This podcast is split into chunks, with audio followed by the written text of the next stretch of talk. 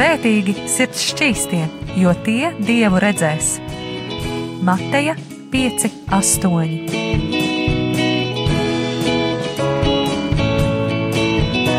Piektdienās radio raidījums Tēva meitas.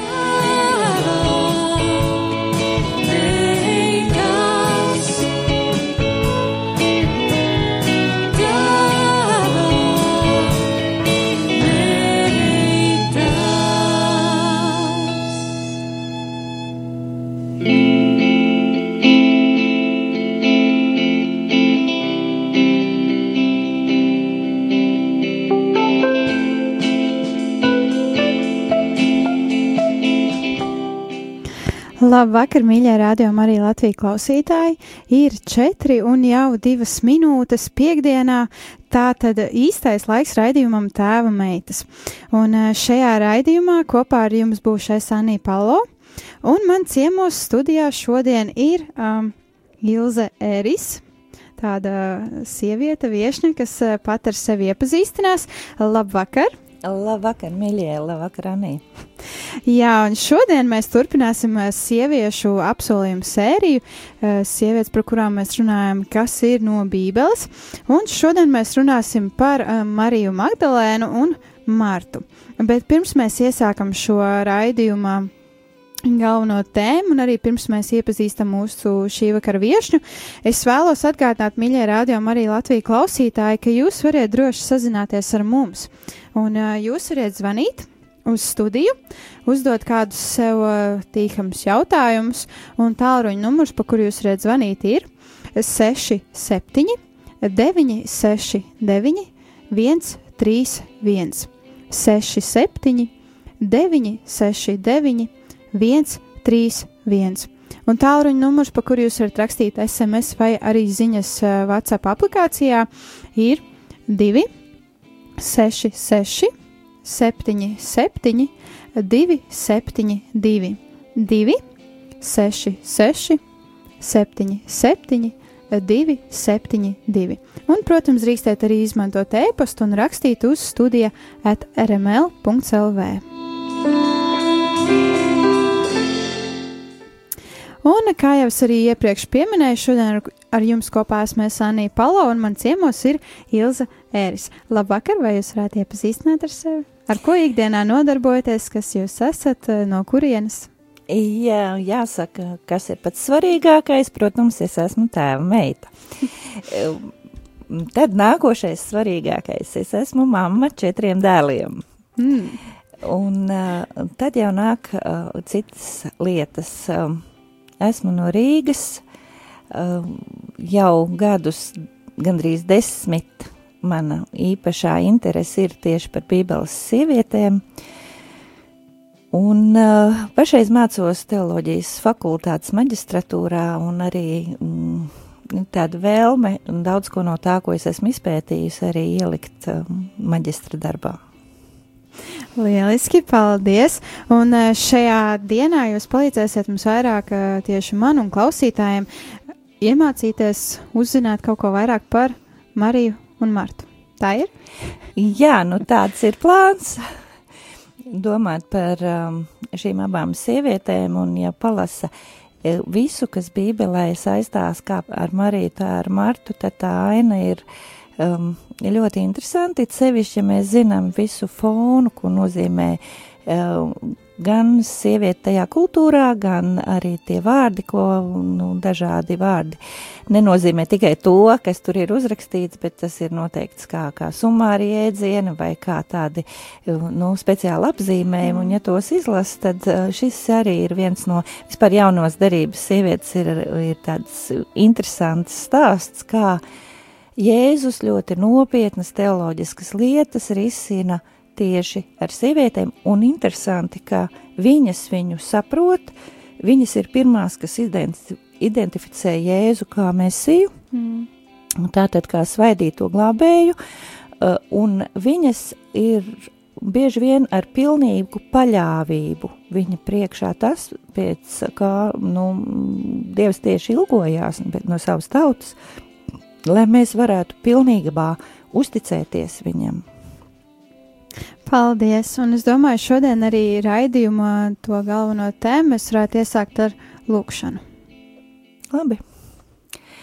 Mīļais debes Tēvs, paldies, ka mēs varam saukties būt un ka mums ir vara būt taviem bērniem, kā tavs vārds mums apsola, un ka tu īpaši esi savās rokās ņēmis arī savas meitas.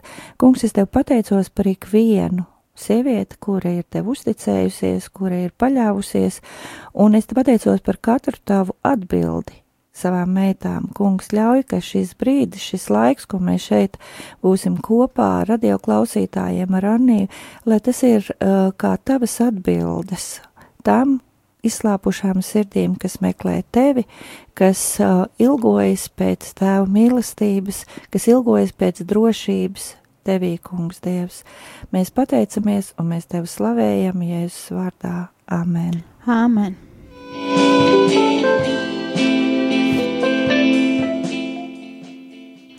Tā tad raidījums tēva meitas jau ir iesācies, lūkšana jau ir bijusi kā ierasts, un uh, turpināsim jau ar um, vairāk šo izziņas procesu un uzzināsim vairāk tieši Marijas un uh, Martas stāstu.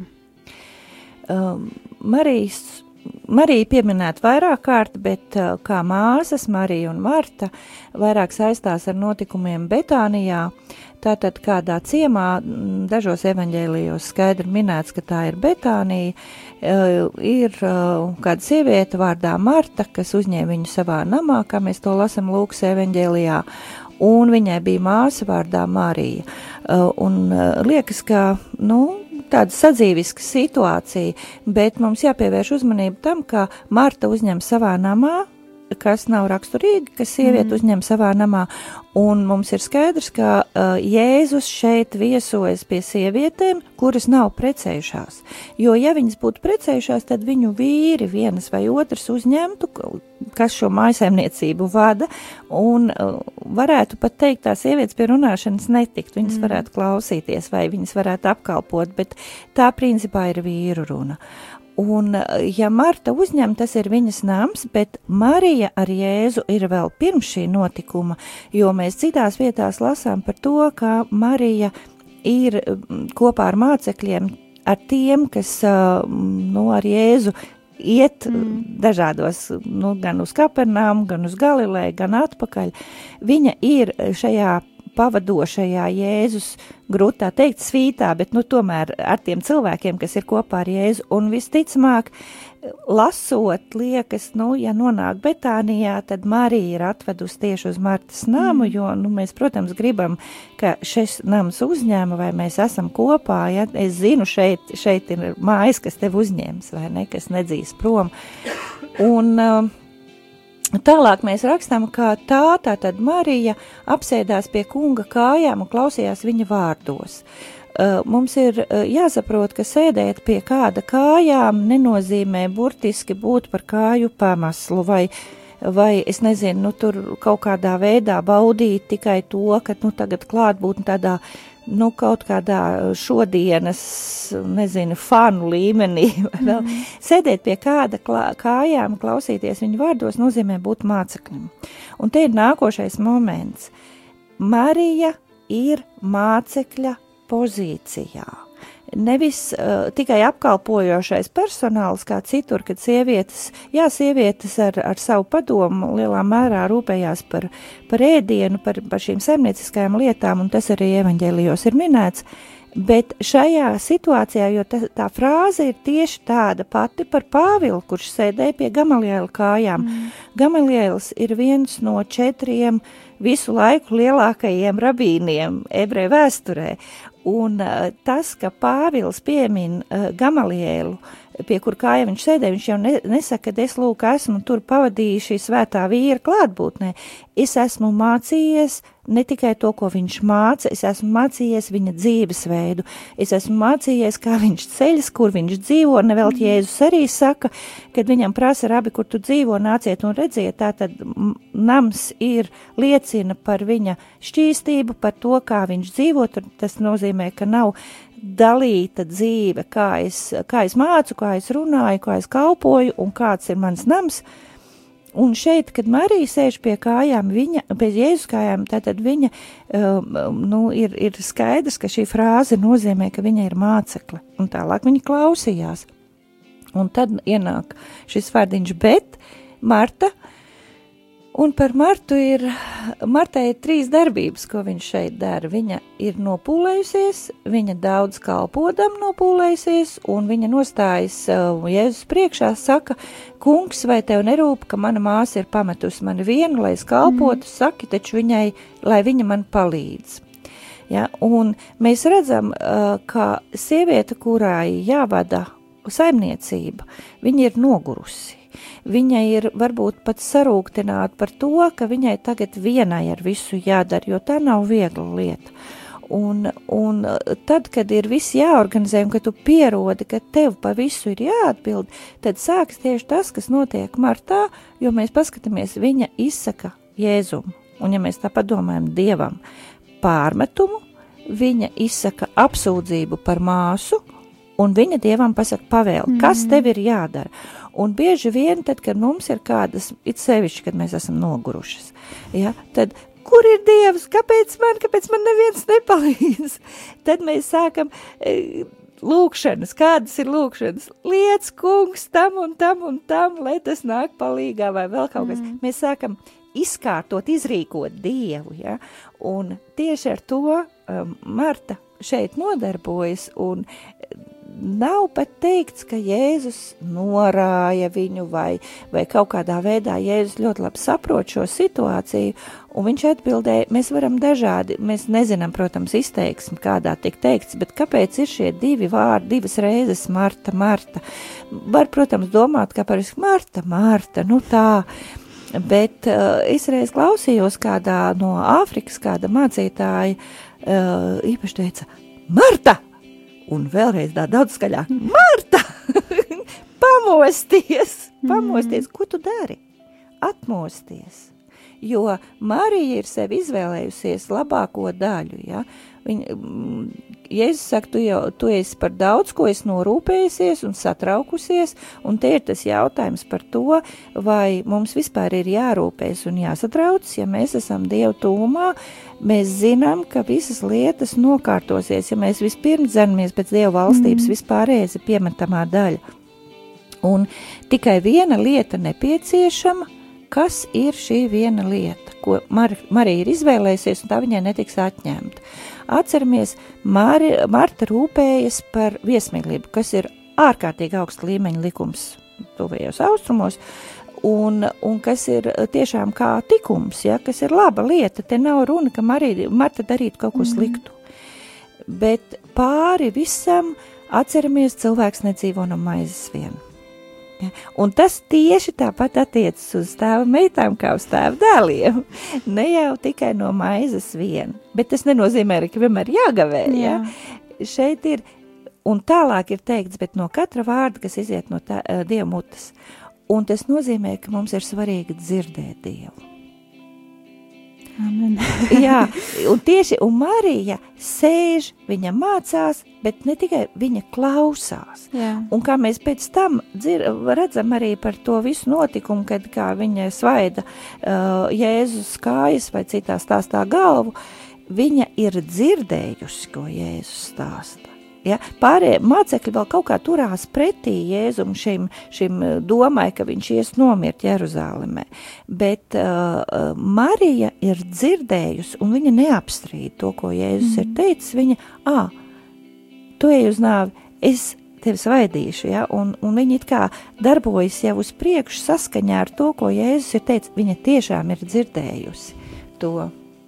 Jā, paldies arī par šo ievadu, bet šobrīd dosimies eh, kādā muzikālā pauzē, eh, kuras eh, šīs dziesmas laikā jūs arī varat apdomāt jau šo iepriekš dzirdēto. Lately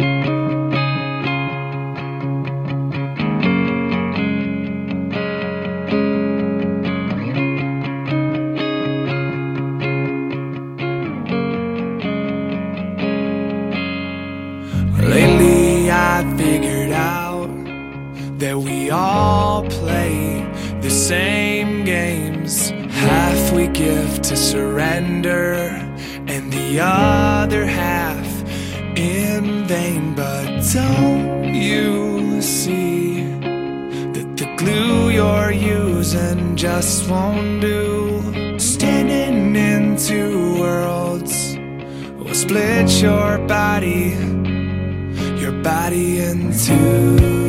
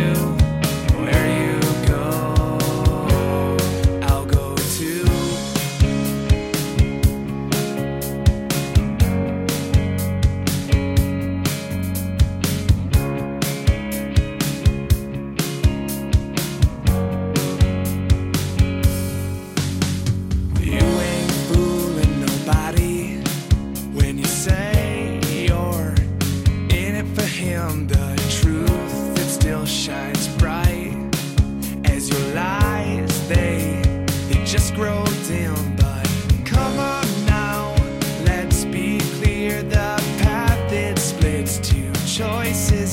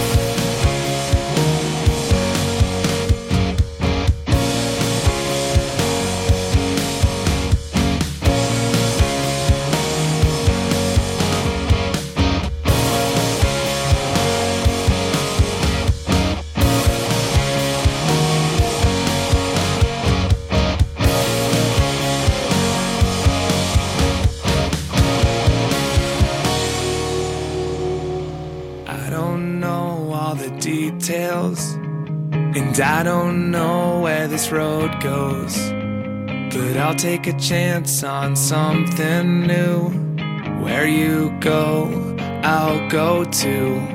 I don't know all the details, and I don't know where this road goes, but I'll take a chance on something new.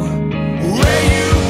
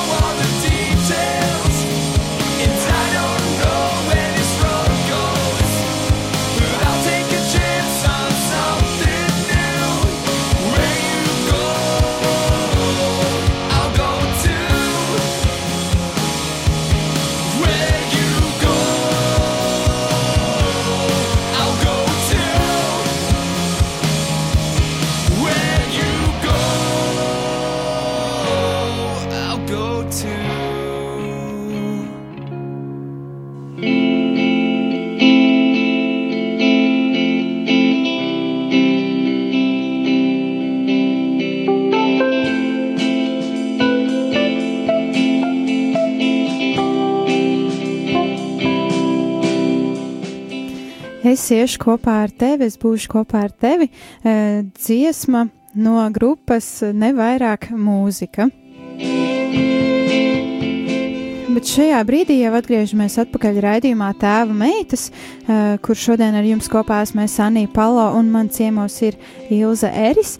Un mēs uh, kopā, vai drīzāk es klausos uh, par Mariju Magdalēnu un Mārtu, mēs vairāk uzzinām kaut ko jaunu, mācamies par šīm sievietēm no Bībeles. Un šoreiz ir tā ļoti interesanti, jo šī ir vie, šīs abas divas ir viens no tām sievietēm, par kurām Bībelē īsti nav rakstīts, ka viņām būtu uh, bijušas problēmas ar um, auglību. Jo visas iepriekšējās sievietes, kuras mēs esam uh, aprunājušas vai runājušas, izņemot Mūzus mammu un Mūzus māsu, visām iepriekšējām ir bijušas kādas problēmas tieši ar šo, uh, šo varētu teikt, dzīves uh, rakursu. Jā.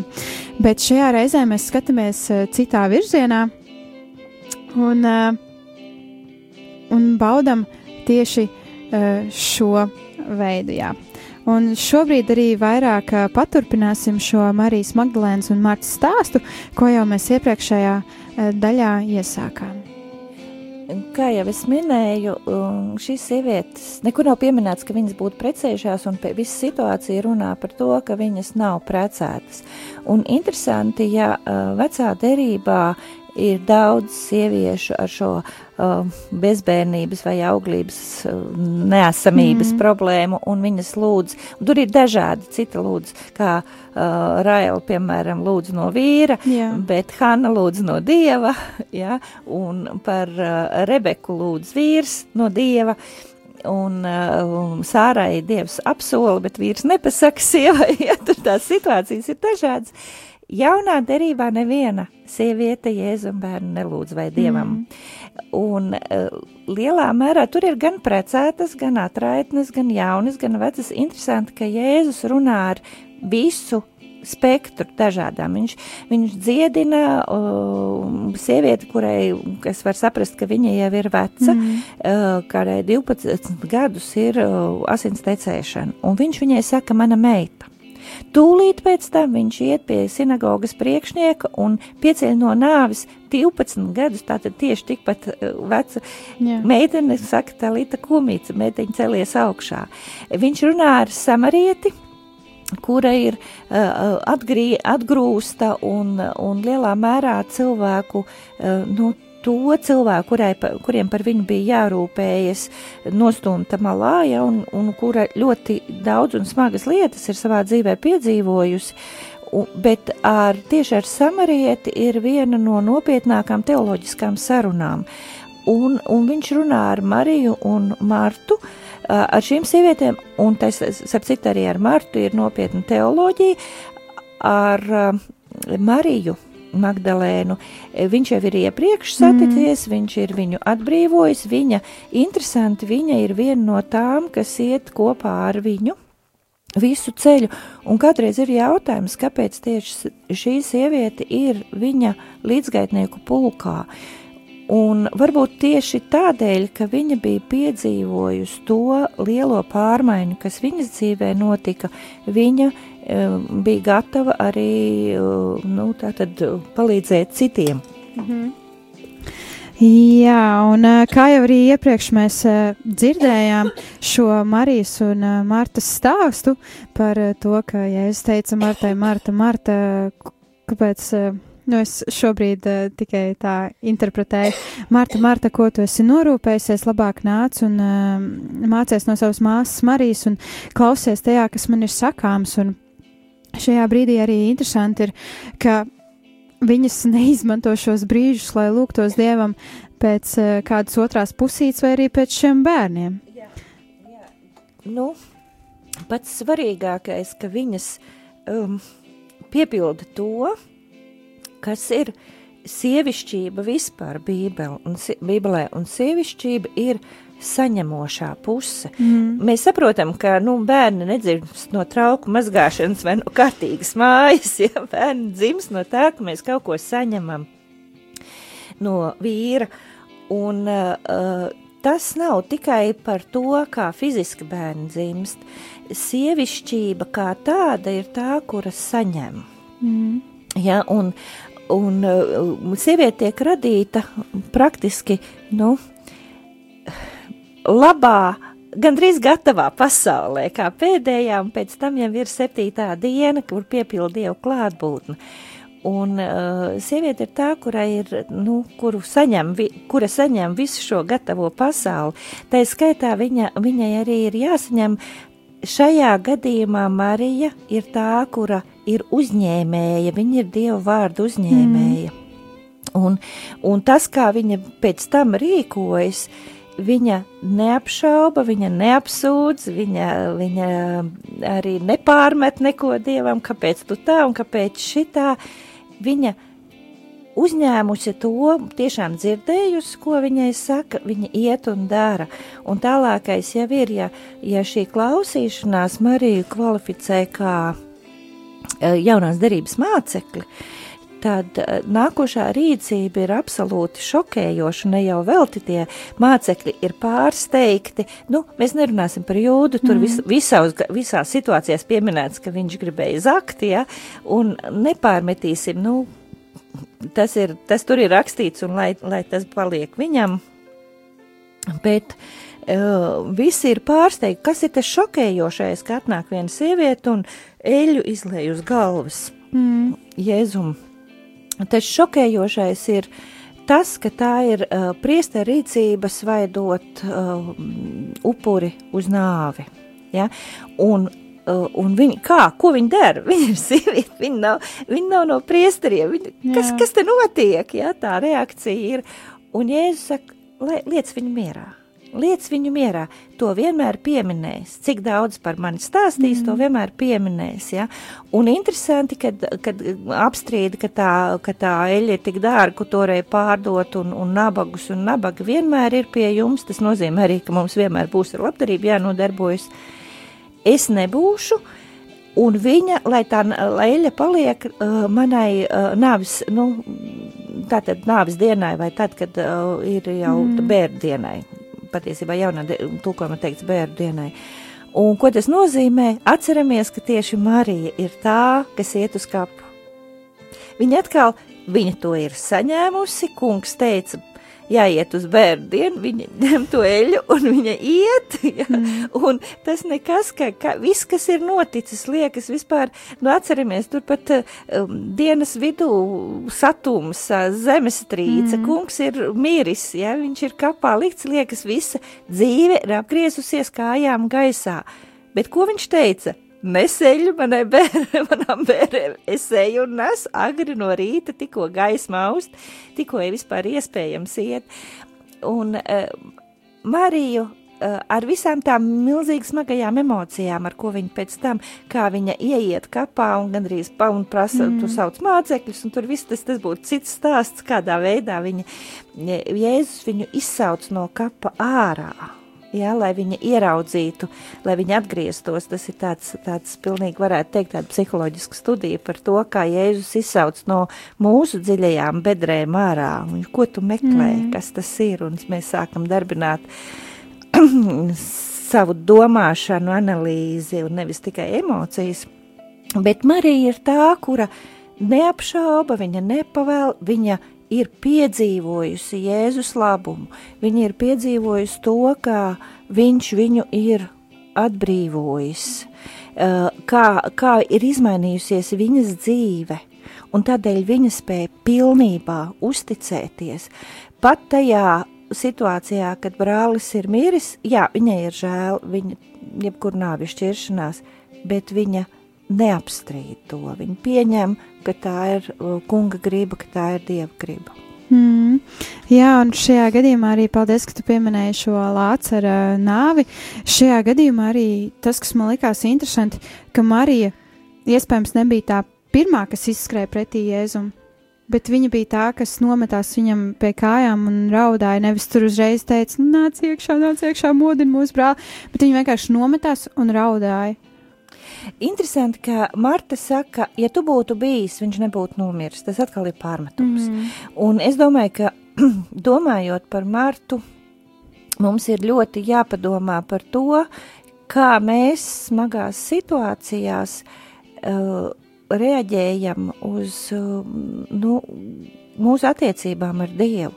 Kur tu biji Dievs? Jā.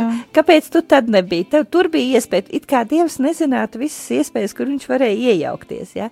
Bet ir kaut kāds notikums, notikumu rinda, viņš vada, ja mēs zinām, ka viņš visu kontrolē. Viņa, vi, ar viņa ziņu ne mats nenokrīt, ne zvirbulis, nekas, mm. viss vis ir viņa rokās. Ja? Tad mēs varam uzticēties pilnīgi. Ja? Un mums nav jākomandē jau nav jāsaka, ja tu tur būtu bijis. Nav tāds, jā, jā. Mēs padomājam, e, paralēli mēs zinām, ka Jēzus palika speciāli četras dienas, nu, tajā laikā bija šīs uzskats, ka, nu, trīs dienu laikā mirušais vēl var tā kā mm. atmosties vai atgriezties vai vēl kaut kas, Jēzus tā kā nogaida, lai ir četras, lai ir pilnīgi skaidrs, ka te nav, nu, kaut kāda letarģija vai vēl kaut kāda, kaut kāda cita lieta lācaram, ja, ņemot vērā, ka, um, nu, pēc tiem stāstiem par uh, Marijas to eļas liešanu varētu būt, ka viņam otrs vārds ir tas spitālīgais mm. sīmans, ka tur ir kāda slimība jau bijusi, ja, ka tur, nu, katrā ziņā nav tā, ka vesels cilvēks tā vienkārši nokrīt, Jā. ja. Bet, eh, bet mēs zinām arī, ka tad, kad viņi saka, nē, nē, nē, tur jau, mm, jau process notiek un nevajag mm, vienkārši tā kapā iet iekšā. Bet šis gadījums parāda to, ka Jēzum ir vara par dzīvību un par nāvi. Ja? Šī te vara parādās, un uh, Marija ir pie viņa kājām uh, bez komandēšanas Tev ir vara par dzīvību un nāvi. Un tu esi kā mierinātājs, tā arī mm. nu, tas, kurš var visu lemt. Ja? Viņa ir atvērta, un te ir tas ārkārtīgi būtiskais, ka mēs esam nevis pareizas Dieva priekšā. Ja? Jo, jo tieši sievietēm ir īpaši tas, ka mums gribas, lai viss ir pareizi, lai viss ir kārtība, lai viss ir pēc likuma un viss, un mēs kļūstam sasietas pašas ar to pareizību. Mēs nedrīkstam raudāt, tāpēc, ka nedrīkst raudāt, ja? mums ir jābūt pareizībā, un es nesaku jādrīpojas nepareizi, ja? mm. bet ir svarīgi, ka mēs ar Dievu runājam no sirds to, kas mums tajā brīdī uz sirds ir. Ja? Un Tas ir arī Marta varbūt saka sākumā nepareizi pārmet un tagad atkal, un mēs redzam, ka Jēzus viņu, jā, viņu varbūt pamodina, viņu tā kā sapurina, kas notiek, bet viņš nenosoda viņu. Mm. Viņš nav pārmetumi. Kāpēc? Tāpēc, ka viņš arī redz gan uh, sākumā Martas nogurumu, gan tagad Martas izmisumu, un mūsu emocijas Dievam pirmkārt nav noslēpums, un otrkārt tās tiek akceptētas. Ja? Un uh, Ieba grāmatā ir teikts, ka izmisuma pilnajam pienāks tuvinieku žēlstība, žēlsirdība, uh, pat ja viņš neklaus Dievu vārdam. Mm. Tātad, ja cilvēks ir izmisis, saprotīsim, ka tas, ko viņš kādreiz pasaka, ir tas izmisums, kas to saka, nevis viņš pats, viņam kādreiz būs iespēja tos vārdus nožēlot, bet mums nav viņš jātiesā, jāatgrūž, jāmāca tajā brīdī, ja? bet vienkārši jāpieņem tāds, kāds viņš ir, jo kas ir ļoti būtiski, tad cilvēks ir patiess. Tāds, kāds viņš ir. Un, un kādreiz mums ir tā jādomā, ka pēc Dāvidas bija vīrs pēc dieva prāta. Mm. Viņš ir patiesa, tur ir augsti lidojumi, tur ir izmisuma bedres. Ja? Viņš ir patiesa, un tas ir kaut kas no tā, ko mēs varam mācīties un ko parāda, kā Marija, it sevišķi Marija, ja, viņa zina, ka kungam var uzticēties pilnīgi, mm. un viņa ir patiesa. Paldies! Paldies arī par uh, šo stāsta daļu, un šobrīd atkal dosimies kādā muzikālā pauzē, bet es vēlos atgādināt, ka arī pauzes laikā jūs varat sazināties ar mums, rakstot ziņu uh, vai nu WhatsApp aplikācijā, vai arī kā īziņas veidā uz tālruņa numuru 2, 6, 6, 7, 7, 2, 7, 2, 2, 6, 6, 7, 7, 2, 7, 2.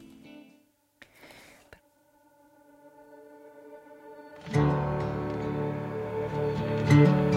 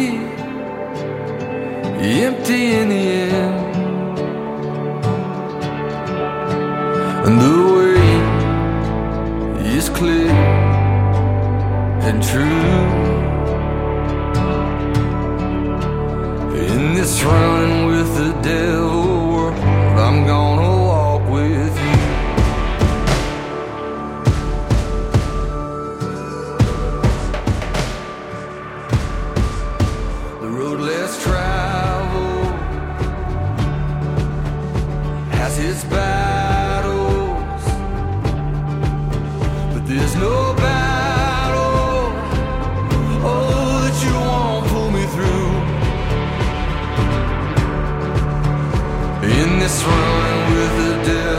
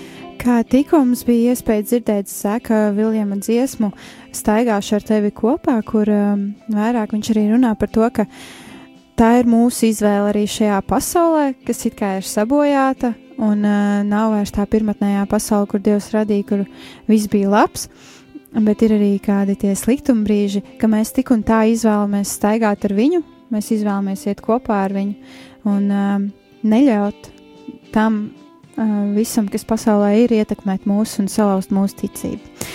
Un šodien kopā ar jums uh, esmu Anija Palau, man ciemos ir Ilze Eris, un mēs runājam par Mariju Magdalēnu un Mārtu un par viņu stāstu, uh, par to, kas viņas ietekmēja un kā viņas dažādās situācijās arī reaģēja.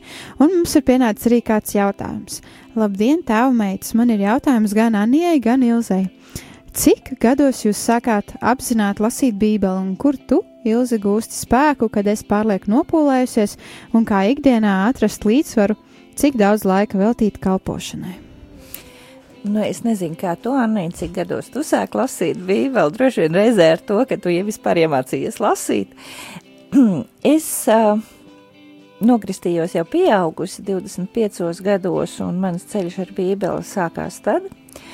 Un uh, jāsaka, ka tas ir uh, bijis nu, tāds ļoti interesants. Un uh, Bībeles lasīšana uh, ir arī bijusi viens no tiem spēkavotiem.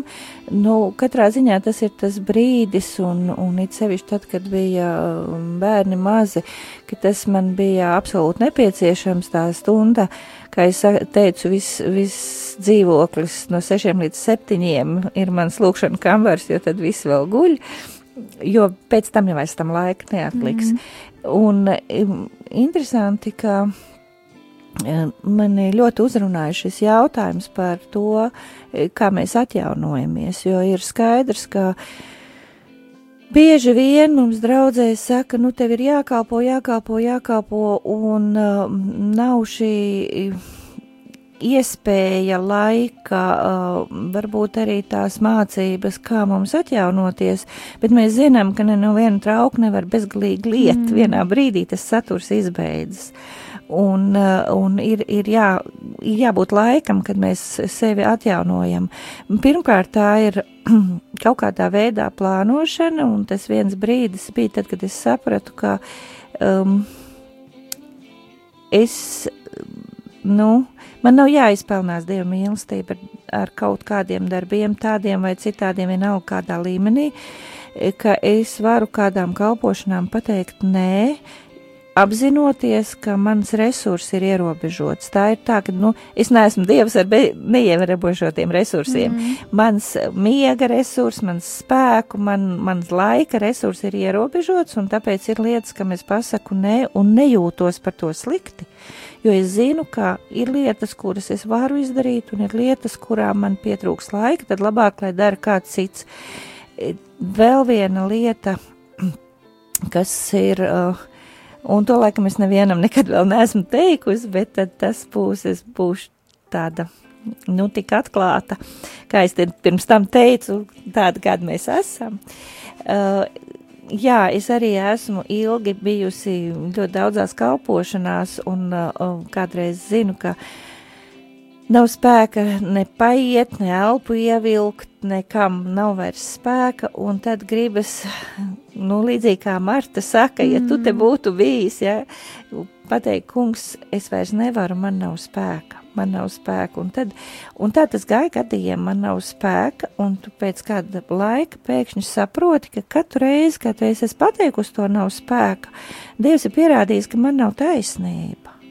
Nevis, ka Dievam nav mm. taisnība, mm. bet ka man nav taisnība, ka es tieku atjaunot, un tad tu sāc risināt to, to domu gājienu atpakaļ, kur tad es saņēmu to spēku. Un tad es jau centos tos vārdus, jo ļoti daudz kas ir tas, tajā, ko mēs sakām, kaut vai domās, kaut vai savās lūkšanās, ko mēs sakām Dievam, kas ir mūsu, jo mēls varā ir dzīvība mm. un nāve. Ko mēs sakām, tad es sapratu tajā brīdī, kad man atkal gribas pateikt, man vairs nav spēka, es apturu to vārdu vēl neizteiktu, neizdomātu līdz galam domās pat sev, un saku, jā, kungs, man spēks ir tik, cik tu man dod. Es zinu, ka tu man atjaunos, es mm. lūdzu atjauno mani. Ja? Un kādreiz tās ir, uh, nu, arī mums ir jārūpējas arī par savu ķermeni, uh, jo mēs nevienu labu darbu, nevienu kalpošanu nevaram darīt tikai dvēseles vienu, tikai garīgi, mēs varam tikai tad, kamēr mēs esam ķermenī.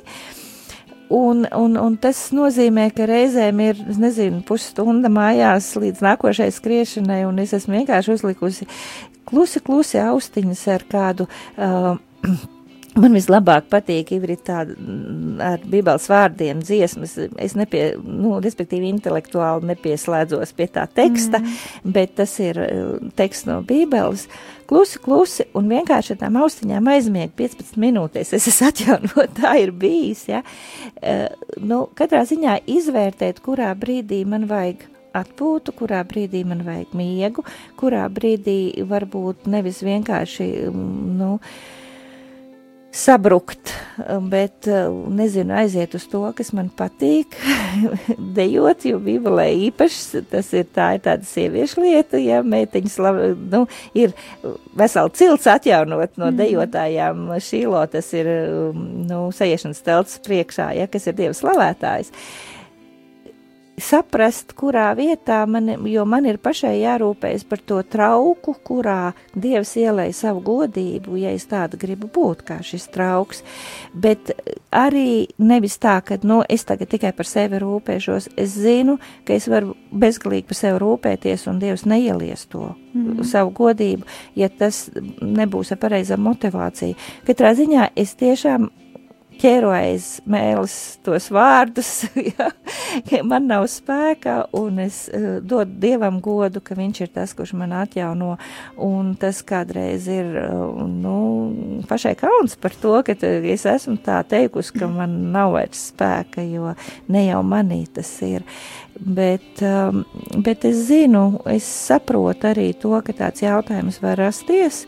Uh, jo, jo tās rūpes ir ļoti daudz, bet vienlaikus ir jāsaprot, ka ne jau no tās um, pareizības, bet no, no tās īstuma dieva priekšā. Uh, tad arī mums tas nogurums nav tik daudz. Nu, tā, tās ir tās atbildes, kas mm. man ir atnākušas, bet tās noteikti nav visiem kā priekšraksti.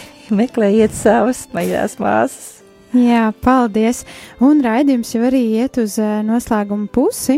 Un šajā reizē es atgādināšu to, ka mēs runājām par Mariju Magdalēnu un Martu, un arī izskatījām šos dažādos, šīs dažādās reakcijas, kādas viņām bija dažādās situācijās. Uh, un arī mēs varam uh, katra sieviete, katra meitene un arī katrs vīrietis, kas klausās šo rēdījumu, mēs varam pārdomāt šīs reakcijas, kā mēs reaģējam dažādās situācijās, kad mums nāk kādi dzīves pārbaudījumi, vai arī kad, kā piemēram, šīm māsām nomira ļoti tūs radinieks brālis, kā viņas reaģēja šajā situācijā. Un kopā lūgt Dievu, izrunāties un iet uz priekšu, un atcerēties arī, ka atpūta ir laba, atpūta ir svarīga. un atpūta ir jāplāno. Tieši tā. Tieši tā, un, jā, un tad jau arī uz tikšanos nākamajā reizē, kad mēs runāsim par Esteru un par to misiju, kas tika Esterē ielikta. Paldies, Ilze, ka biji šodien kopā ar mani. Un, Paldies, palīdzēja, ka uzaicināji. palīdzēja arī klausītājiem vairāk izprast šo Martas un Marijas stāstu. Visu labu, mīļie! Uz redzēšanos!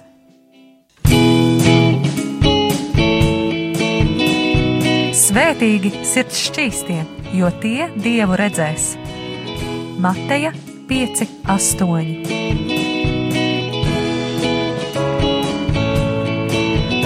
Piektdienās radio raidījums Tēva meitas.